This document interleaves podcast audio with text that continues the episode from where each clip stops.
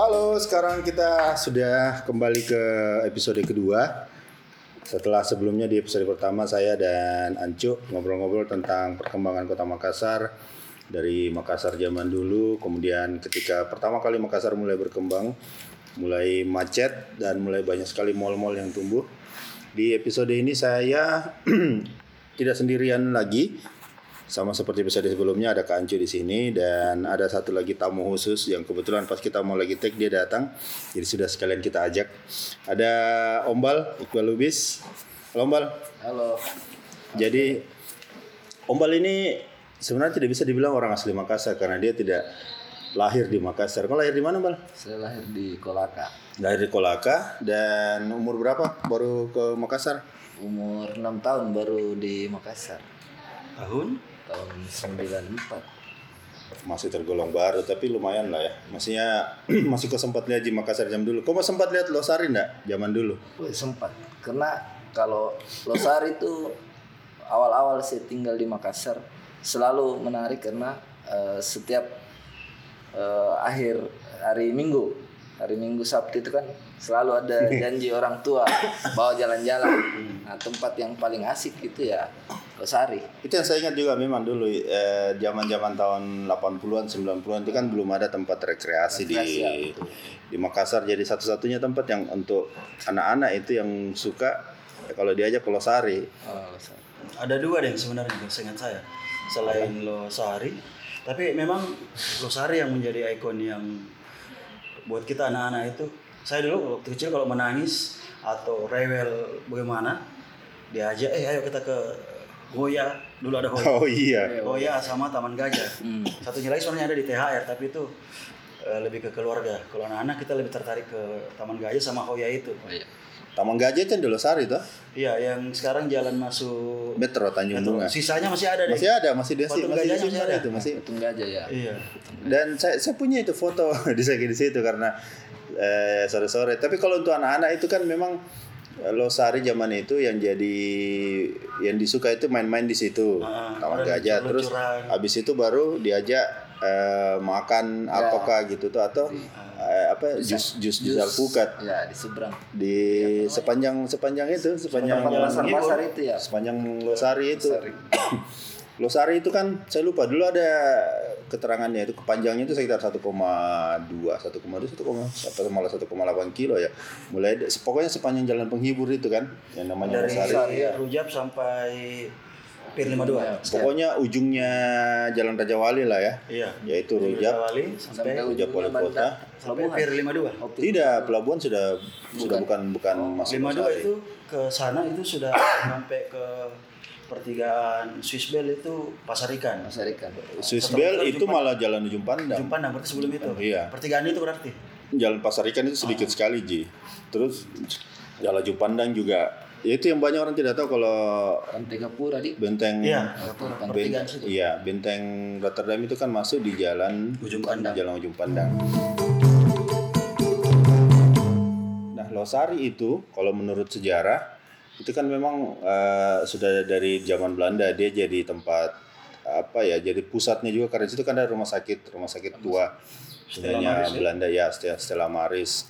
Nah asal kata Losari itu sebenarnya saya pernah ada satu bacaan di website Go Sulsel ada yang pernah menulis. Jadi sebenarnya katanya Losari itu awalnya asal katanya itu dari Rosario jadi itu kan ada rumah sakit rumah sakit Stella Maris itu kan rumah sakit Kristen ya kayak Katolik. Nah di situ ada ada ada patung Rosario. Rosario itu kan eh, apa ya bilang-bilangnya orang Kristen lah itu yang sama kayak tasbih tapi Ya, tasbihnya iya Kristen. Rosario kemudian itu yang eh, di- diberi nama karena di situ ada patung Rosario jadi Rosario Rosario Rosario akhirnya menjadi Losari sepertinya itu tidak ada hubungannya dengan nama daerah Losari yang ada di Jawa nah itu terus saya pernah dengar ceritanya dari eh, Opa Opa Ferial. ya. Willy Ferial Pak Willy Ferial ini penyiar radio legendaris di Kota Makassar Gak masih, gak masih. Bukan, Telstar. Beliau Telstar terus dari jari sejak zaman dulu juga dia sudah akrab sekali dengan dunia hiburan di Makassar. Terus dia cerita waktu masih kecil itu zaman Jepang, waktu sekitar tahun 40-an. dia di- sering main-main di Losari itu tarik-tarik kapal kalau pagi-pagi tarik kapal nelayan yang baru merapat kalau diambil ikannya dibantu ambil ikannya nah terus katanya di masa pemerintahan Pak Tompo tahun 60-an itu pemerintah kota Makassar mulai sadar kalau ternyata ih sunset di situ bagus sekali. Sampai akhirnya itulah yang kemudian eh, membuat pemerintah kota itu mulai mempersiapkan daerah itu sebagai daerah wisata ya? daerah wisata tempat kumpul-kumpulnya orang. Tapi yang tadi apa kemudian catatan di tahun berapa? di referensi yang pernah saya baca seperti ya nyambung dengan tadi yang yang disebut sama Opa Ferial sebelum Pak Tompo itu dulu tempat eh, tahun 60-an itu eh, jadi tempat kayak nelayan turun kemudian tercipta pasar. Pasar. Nah di tahun berapa? Jadi pasar senggol justru awalnya di situ deh pasar senggol yang di eh, Sambung Jawa itu. Ya, yang saya pernah Cendrawasih ya. Ya, situ baru pindah ke eh, jadi situ ya, di pasar Senggol karena nelayan turun di situ orang akhirnya jual yang lain Hmm. kemudian kebutuhan-kebutuhan kemudian di yang MGH sekarang itu Pier 52 itu di Ah. pasar ikan ada pelelangan di Iya, situ iya, iya. makanya namanya sekarang Makanya namanya pasar ikan, jalan Iya. pasar ikan. Iya. Nanti seperti nanti setelah Pak Tompo lihat bahwa ini ada potensi bahwa ini bisa jadi wisata, jadi penjual-penjual itu dilarang lagi di tahun segitu. Akhirnya betul-betul jadi tempat wisata. Iya. Tapi mulai tahun berapa itu ya ada banyak eh, pedagang-pedagang makanan di situ ya? Tahun eh, setelah Pak Tompo tahun 80 awal 80 79 kayak. Sudah 79 70 sudah ada mulai kayak karena di 0 km referensi 0 km Buku, buku. Ini 0 km ini buku, ya. 0 km. Buku, buku Makassar 0 km. Iya, tahun 79 sudah ada 5 penjual pisang epe dan pisang epe ya, belum yang lain-lain. Iya, kalau Jadi kita memang kalau kita bicara pisang epe yang paling pertama langsung terbayang itu memang Losari ya. besar ya Begitu juga kalau kita bicara Losari. Kalau kita bicara Losari ya terbayang juga pisang epe. Iya. Dulu ya, sekarang sekarang enggak nih. Jadi memang ada ada per, per- mulai ada pergeseran mulai kayaknya tahun 80-an karena mu- mulai banyak pedagang-pedagang eh, gerobak-gerobak yang dikasih nomor itu ada nomor-nomornya yang paling ter, yang paling terkenal waktu itu gerobak 100 Martin. Martin pindah ke mana itu ya tapi itu yang paling banyak orang eh, ingat waktu itu terus memang yang saya ingat saya tahun-tahun 80-an lah ya 80-an sebelum 90 itu memang tidak hampir tidak ada tempat lain di Makassar yang bisa dipakai sebagai tempat gaul, Gaul, iya. anak-anak muda Betul. kalau malam-malam malam-malam minggu oh malam minggu itu pasti macet sekali itu kan tempatnya memang orang nongkrong di situ ada istilah basar oh, hai Iya, guys bikin basar. daripada lu bete nggak arti guys waktu itu. Tapi memang eh, ini yang memang dulu itu jadi tempatnya basar memang di situ. Tempat berkegiatan lah ya. kegiatan Tidak ada karena belum ada yang namanya kafe apa. Kafe. Kafe waktu itu masih Masih dalam konotasinya masih Ya, iya. kurang ini kalau orang bilang Masih kafe itu lah. orang bilang kafe itu yang terbayang ya minuman Karaoke, keras, ya. minuman keras, karaoke perempuan. Itu memang Makassar ya eh, apa Losari waktu itu memang masih jadi pusatnya sampai awal-awal tahun 90-an itu. Dan itu sampai dulu kan orang eh, membayangkan Losari itu sebagai restoran terpanjang karena sepanjang 1,8 ya 1,8 kilo itu Kilometer. hampir 2 sepanjang km lah tapi yang paling bagus memang sunsetnya kalau dulu ya. Iya. Dulu itu paling menyenangkan. Oh iya saya lupa dulu itu yang kalau ceritanya Opa itu Opa Willy Ferial. Da, eh, waktu dia masih kecil itu di situ dulu masih pasir, Hmm, ya masih berpasir, Ya masih pantai. masih pantai betul-betul pantai. Nanti setelah diambil sama pemerintah kota mulai diubah itu ya, baru di situ dia ditimbun apa segala macam sehingga Pantai Losari kayaknya jadi satu-satunya pantai yang tidak ada pasirnya. hmm, betul betul mulai mulai rame itu ndak ada pasirnya sampai yang Masih paling ada pohon kelapa kalau saya lihat fotonya ada fotonya teman tawakal namanya Iya. dia sempat kasih Tahun arsip 80-an masih ada. iya ada pohon kelapa masih ada pasir betul-betul pantai sebagian kayaknya ya iya ada, ada sebagian- pinggiran, sebagian wilayah. dekat-dekat patung koleksi foto lama tahun 90-an masih ada. Masih ada pohon kelapanya. Bahkan ketika dia sudah jadi tempat apa tempat makan itu yang restoran panjang itu memang masih ada kayak pohon-pohon kelapa tahun 90 tapi enggak, enggak sudah enggak ada pasir ada pasir di situ yang uh, ada bagian yang tidak menyenangkan kalau dari dulu itu memang kalau kita lagi makan bau-bau yang tidak enak itu ah iya Karena kan semua pedagang di situ apa segala macam kalau dia buang sampahnya, buang ininya selalu buangnya selalu ke laut. Laut. Jadi memang sejak dari dulu. Nah, Losari kemudian mulai betul-betul berubah itu dua, ri- awal 2000-an. Ribuan. 2000 ya. Eh, masa pemerintahannya berarti Pak Nurudin Maula. Eh, Ame- ah, ya, Maula. Maula. Jadi ada ada semacam sayembara revitalisasi Losari. Kemudian ada tiga pemenang dan ternyata hasil dari tiga pemenang ini kemudian disatukan jadi satu desain oleh Pak Dani Pomanto. Waktu itu masih Dani Pomanto masih jadi arsitek dia belum dia dia punya punya biro arsitek.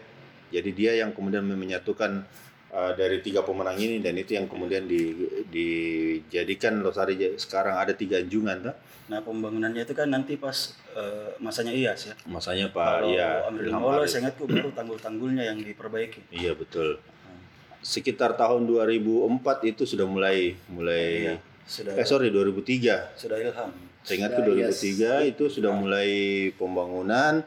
Jadi yang eh, semua pedagang awalnya itu semua pedagang direlokasi ke Depan rujak. Sisi Iya. Laguna namanya dulu. Laguna, Laguna. Laguna, Laguna. Itu waktu masih jadi eh iya yang yang ar- jalan Metro Tanjung juga belum jadi. belum dah. belum belum bikin ya. Nah, waktu di direlokasi itu menjadi mas lebih masalah lagi di soal bau itu. Karena kan yang dari Laguna itu sudah mulai tertutup itu airnya, tidak bisa ke mana-mana. pembuangan Eh, itu kan antara kampung-kampung di mana di Raja Wali itu, kampung pesisir itu, sama daerah pantai kan ada timbunan untuk persiapan jalan metro Jalan Tanjung. Akhirnya ada air yang terkepung di situ yang tidak bisa ke mana-mana dan itu yang dipakai Buang eh, sampah. Iya buang sampah, buang sisa-sisa makanan dan itu saya ingat sekali karena saya pernah masuk dari situ atau dia sudah jadi laguna itu bahaya tidak enak menton di situ mau makan mau.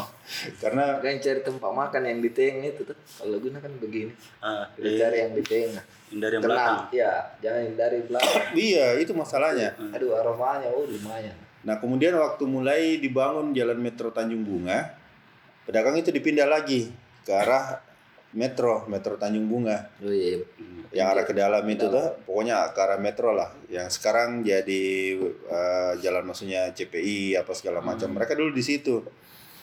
Sementara yang Losari yang lama itu sudah mulai di Dibangun. dikerjakan, ya, di mulai dibangun. Ada tiga anjungan kan? iya Awalnya. awalnya ada tiga Sekarang berapa? awalnya satu Kan dulu dulu anjungannya itu eh, Bugis Makassar Toraja. Ah, sekarang kan ada Mandar. Iya. Lima dulu sekarang. kan Pantai Losari saja Iya Pantai Losari yang kemudian- anjungan utama itu ya ya. yang utama Kemudian kan dulu anjungannya ada periode keduanya IAS dibangun lagi yang terakhir terakhir terakhir kan ada bangun, Bugis, ya, Bugis Makassar Bugis, Toraja. Mandar Terus sekarang ada Mandar juga. Nah, yang menarik itu ket- ketika jadi itu akhirnya memang jadi satu tempat eh kayaknya mungkin satu-satunya eh, pokoknya dia saingan lah sama Karebosi itu jadi tempat pem- eh, acara. acara betul Jadi orang bikin-bikin acara di situ, panggung-panggung musik mulai dari panggung musik musik ya mulai dari panggung musik eh, nasional sampai lokal. Cuma yang jadi masalah waktu itu eh, ini kadang katanya ada banyak itu tuh tuh banyak preman. preman ya Anak-anak juga pernah bikin acara di situ. eh, pas mau bongkar alat itu selalu ada Iya, ada iya. yang datang minta-minta inilah. Pas mau itu juga pas mau mau pasang alat juga ada yang minta biaya keamanan. Ya, selain itu itu juga Ya, ada pengamen-pengamen. Iya Itu, kan yang mengganggu sekali tukang parkir.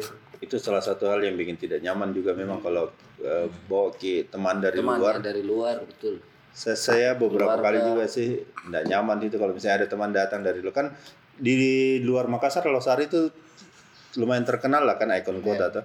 apalagi ada foto-fotonya yang ada tulisannya tuh Pantai Losari Pantai terus di belakangnya sunset. Ya, memang bagus sunsetnya. Harus maksudnya saya harus akui itu nah maksudnya ada banyak tempat juga saya datang di Indonesia. Losari itu salah satu yang paling bagus sunsetnya apalagi kalau pas lagi mendung. Mendung ya. Iya. banyak awan.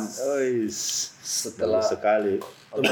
Setelah hujan kalau jam Ya. tiga empat hujan ah enak itu enak lari dulu memang kayaknya tempat perburuan sunset di situ sunset kalau orang suka Ah, foto-foto foto. tuh terus yang satu yang terkenal di Losari dan saya tahu Anco Ska- Anco itu paling terkenal mungkin itu kios Semarang. itu salah bisa dibilang apa di bagian dari Pantai Losari itu yang tidak bisa lepas begitu saja Pak. Kios Semarang itu dari tahun berapa Cok? Eh, mungkin 70-an Ya, mungkin ya, 70-an. 70 60-an. Sekarang ya berdasarkan itulah tadi dia yang apa? Opa Viral pernah cerita kalau dulu tempatnya orang cari hiburan eh, minum-minum tanda kutip gitu ya. Iya. Itu dari tahun bahkan konon saya eh Kios Mara itu tempat menjual minuman keras ilegal pertama. Oh. Eh sorry, legal pertama di Makassar. Oh, minuman? Kayak bir ya sebenarnya. Iya. Nah, sampai sekarang juga masih ada. Ya, eh, itu juga yang kemudian jadi membuat citranya jadi kurang bagus sebenarnya. Bagi- sampai- Padahal sebenarnya kan di dalam eh, kalau waktu saya, saya terus terang baru satu kali ke sana. Dan ternyata waktu ke sana ya banyak juga yang maksudnya ibu-ibu, banyak keluarga. Keluarga. Iya, citra negatif itu karena itu. Dulu ya Karena orang-orang dulu menjual orang-orang dulu, orang-orang tua kita dulu taunya kalau itu tempat orang-orang minum Orang bir, minum minum bir. bir ya. Kalau kalau sekarang Bisa jadi kuliner yang Kuliner keluarga. Keluarga sebenarnya. Iya. Ya, ya ada pilihan juga kalau mau minum bir boleh, tapi kalau Iya. tidak juga tidak apa-apa karena ada banyak pilihan lain. iya, seperti kios-kios makan yang lain. Dan dia bagus itu sebenarnya karena posisinya pas menghadap ke pantai. Ah, Enak sekali memang menikmati sunset di situ. tapi itu sebelum dibangun CPI ya. Nah, Ya, sebelum mulai masuk tahun tahun berapa CPI itu ya? 2000 10 tahun lalu ya, 10 tahun kayaknya ya.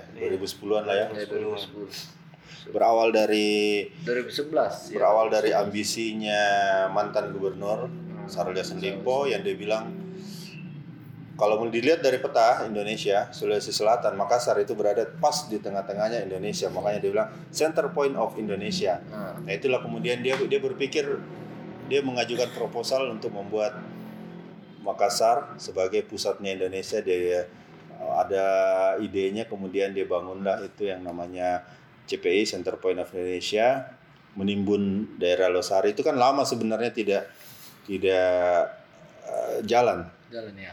mulai ditimbun tapi tidak langsung jalan sampai kemudian akhirnya terkatung-katung berapa lama itu pokoknya cuman ada timbunan tapi tidak pernah jalan sampai kemudian ada Ciputra yang datang deal dengan pemerintah provinsi jalan nah itu yang sekarang Itu ditanda dengan pembangunan Masjid 99 Kuba ya. Oh, Kubas. kayaknya dulu. sembilan sembilan Hotel Kuba dulu. Yang mana dulu? Hotel dulu. Rindra. Rindra. Rindra dulu. itu bagian Rindra. juga enggak, Iya. ta- enggak tapi kalau maksudnya spesifik di CPI Iya, kalau Itu di kan CPI ya Kawasan CPI ya itu. Kuba itu. Kalau saya tidak salah ya, eh, dealnya itu adalah eh, ada pembagian. Jadi sebagian diambil oleh Ciputra sebagai pengembang swasta, itu yang dibikin perumahan. Jadi ada ada nanti akan ada perumahan di situ, Waterfront City kalau tidak salah nama anunya. Betul betul. Pokoknya dia akan ada perumahan. Nah sisanya itu jadi Lahan provinsi. lahan, lahan, Lahan lahannya punya provinsi jadi lahan Ada Wisma lahan Negara juga kan rencananya. rencananya. rencananya. Dulu itu kan kalau pertama sekali sebelum ada Ciputra itu pertama sekali itu rencananya ada kantor pemerintahan, Hmm. istana negara, ada kantor kementerian-kementerian di Yang situ. Twin Tower itu di situ juga rencananya. Rencananya di situ. Yang sekarang dipermasalahkan juga. Iya. Di tower. Twin Tower yang jadi pusat dikumpulkan apa OPD-OPD provinsi di situ. Iya, semacam kantor gubernuran lah ya, sama kantor. bersama gubernur. Karena memang ide awalnya itu dia mau bikin itu, bikin kantor pemerintahan di situ, kantor negara, eh, kepresidenan, kemudian ada kantor-kantor eh, kementerian-kementerian di situ. Karena kan mau disiapkan untuk ibu kota barunya Indonesia. Iya. Eh, mimpinya itu Pak masih SEL, wacana Indonesia baru kemarin mimpinya Mimpinya SEL SEL. itu. SEL, ah. Karena dia melihat di peta Indonesia kalau dibentangkan itu Makassar itu katanya ada pas di tengah-tengah. Makanya itu dia tawarkan itu sebagai mimpi. Tapi kemudian karena dana tidak mencukupi, akhirnya ditarik swasta yang kelola dan swasta tentu saja dia ambil untung juga. Makanya kemudian berubah lagi itunya, berubah lagi master plan-nya. Kan pembangunan CPI ini memang betul-betul mengubah wajahnya Losari. Losari betul. Kita tidak bisa lagi menikmati sunset kayak dulu karena sudah mulai terhalang. Padahal itu belum jadi ya. Bagaimana kalau sudah jadi itu? Dan sekarang kayaknya sudah tidak bisa disebut Pantai Losari. Teluk Losari. Teluk. Nah, karena te- karena teluknya itu juga menimbulkan persoalan baru, bau bau. iya. Kan airnya kan tidak bisa ke mana-mana tuh. Iya. Air masuk tidak bisa ke mana-mana, kemudian bercampur dengan karena ternyata sanitasi juga ada yang Mengalir ke situ. mengalir ke situ, sanitasi kota ada yang mengalir ke situ ya sudah. Saya pikir ada satu hal yang harus juga kita eh, apresiasi dari Pak Dani Pemanto karena sejak berapa tahun lalu yang dia turunkan satpol pp semua di situ, ya itu kan sudah mulai bersih loh Sari, tidak ada lagi pengamen, tidak ada Pengamen. pengemis, nah itu yang sebenarnya orang orang mau bikin acara juga sudah. Karena kan dulu sempat terjadi eh, penikaman di situ tuh ya. antara bentrok antara Kan gara-gara preman. itu sebenarnya. Bentrok antara preman sama satpol pp PP. ada yang ditikam akhirnya sudah langsung eh, besar-besaran. Dari pertama aparat turun ya. Iya. Aparat turun bersihkan semua bahkan dulu kan juga yang tidak nyaman itu parkir liar. Ya parkir liar itu. Begitu kita turun dia minta motor bisa sampai sepuluh ribu berapa. Sekarang sudah tidak ada tidak ada semua. bebas parkir semua sekarang. Dan eh, apa satpol pp juga selalu jaga-jaga di situ ya. tuh sepanjang jalan. Itu maksudnya satu hal yang harus kita apresiasi juga. Sampai sekarang Losari itu masih bisa dibilang eh, public space lah ya. Masih bisa kita nikmati dengan gratis kita bisa jalan-jalan di situ bisa lihat sunset walaupun tidak sebagus dulu. dulu ya.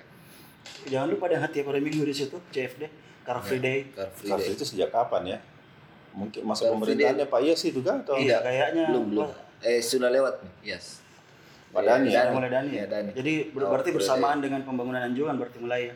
iya. Sudah jadi. Sudah Itu jadi Anjungan baru periode- utama. terakhir kan CFD baru booming 2000 pokoknya dia mengikut ya, inilah laku 2017 lakunya c- enggak juga Enggak, jauh juga. jauh sebelumnya Di 2017 kan ya masih belum CFD itu hari masih jalan-jalan ya orang. Oh. Akhirnya Oh, belum resmi itu jadi- belum Oh, resmi belum jadi resmi jadi, area ya, ya. CFD. itu mengikuti boomingnya CFD di Jakarta lah Ya, di tempat-tempat Jakarta, lain ya. tuh akhirnya kemudian dibikin di situ Tapi sebelum resmi jadi kawasan Ya itu Area sudah CFD orang sudah sudah tiap duluan. minggu pagi orang sudah Pagi, mulai ya. iya rame di situ. dulu itu eh, ya sebelum sebelum pandemi lah hampir tiap malam minggu kayaknya ada kegiatan di Pantai Losari itu tuh Iya. Sampai-. Eh, televisi stasiun televisi nasional juga kadang-kadang bikin acara di situ Hmm. dan itu salah satu jalan yang kalau malam minggu sebaiknya dihindari Dan karena ya, pasti malam macetnya Minggu, apalagi tahun baru. kalau tahun baru itu dari Baru dulu Sudah Tahun baru kan memang sudah ditutup. sudah ya. tahun baru itu memang dari sejak dulu sejak lasar-lasar yang lama sekali ini Losari jadi sebuah sebuah ikonnya kota Makassar yang betul-betul terasa sekali perbedaannya.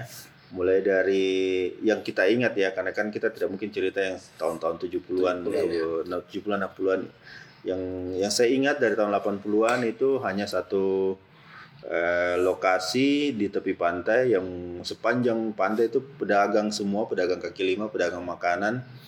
Dan dulu itu paling terkenal eh Pak pisang epe pasti pisang epe tidak bisa dilepaskan dari Losari. Terus jus jus eh, alpukat. karena zaman zaman itu hampir tidak ada tempat lain Ya. yang yang jual. Kalau kita minum jus alpukat ya di situ. ice apa kayak itu belum. sama roti bakar. Roti terus bakar. kalau mau makan agak berat yang terkenal itu bakso gerobak 100 sama eh, mie go- eh, nasi goreng. Segera. Pokoknya dan, itu. dan yang menarik dulu itu pena- eh, penataannya, penataan gerobaknya adalah yang saya ingat itu jadi selang-seling. Makanan berat kayak tadi Ya. Ya. goreng berat baru minuman. Minuman baru, baru makanan, makanan berat minuman gitu. Jadi sepertinya mereka atur untuk menghindari. Kayaknya begitu menghindari monopoli apa menghindari kecemburuan kan jadi kalau orang bikin basar juga biasanya ambil dua gerobak. satu paket. Atau paket ada makanan berat ada makanan ringan dan minumannya. Dan yang jelas itu yang saya ingat dari sampai tahun 90-an akhir 90-an sampai kemudian muncul wacana mengubah wajahnya Pantai Losari dibikin lebih modern bikin anjungan kemudian eh, terus bergulir muncul eh, sempat muncul itu apa masjid Amirul Mukminin itu Ya. pemerintahannya Pak Iyas itu ya Yes.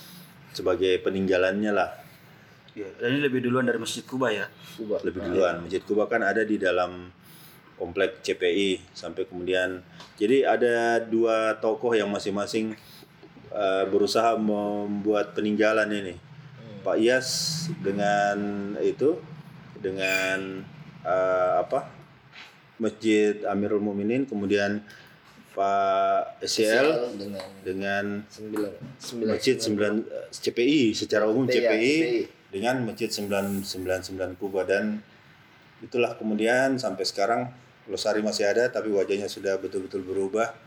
Dan itulah cerita-cerita sedikit cerita tentang Pantai Losari. Mungkin nanti bisa kita bisa cerita apa yang lebih lebih lebih detail tentang itulah. Terutama soal kehidupan malamnya karena sebenarnya Losari itu tidak bisa dilepaskan lepas juga dari dari betul kehidupan malam.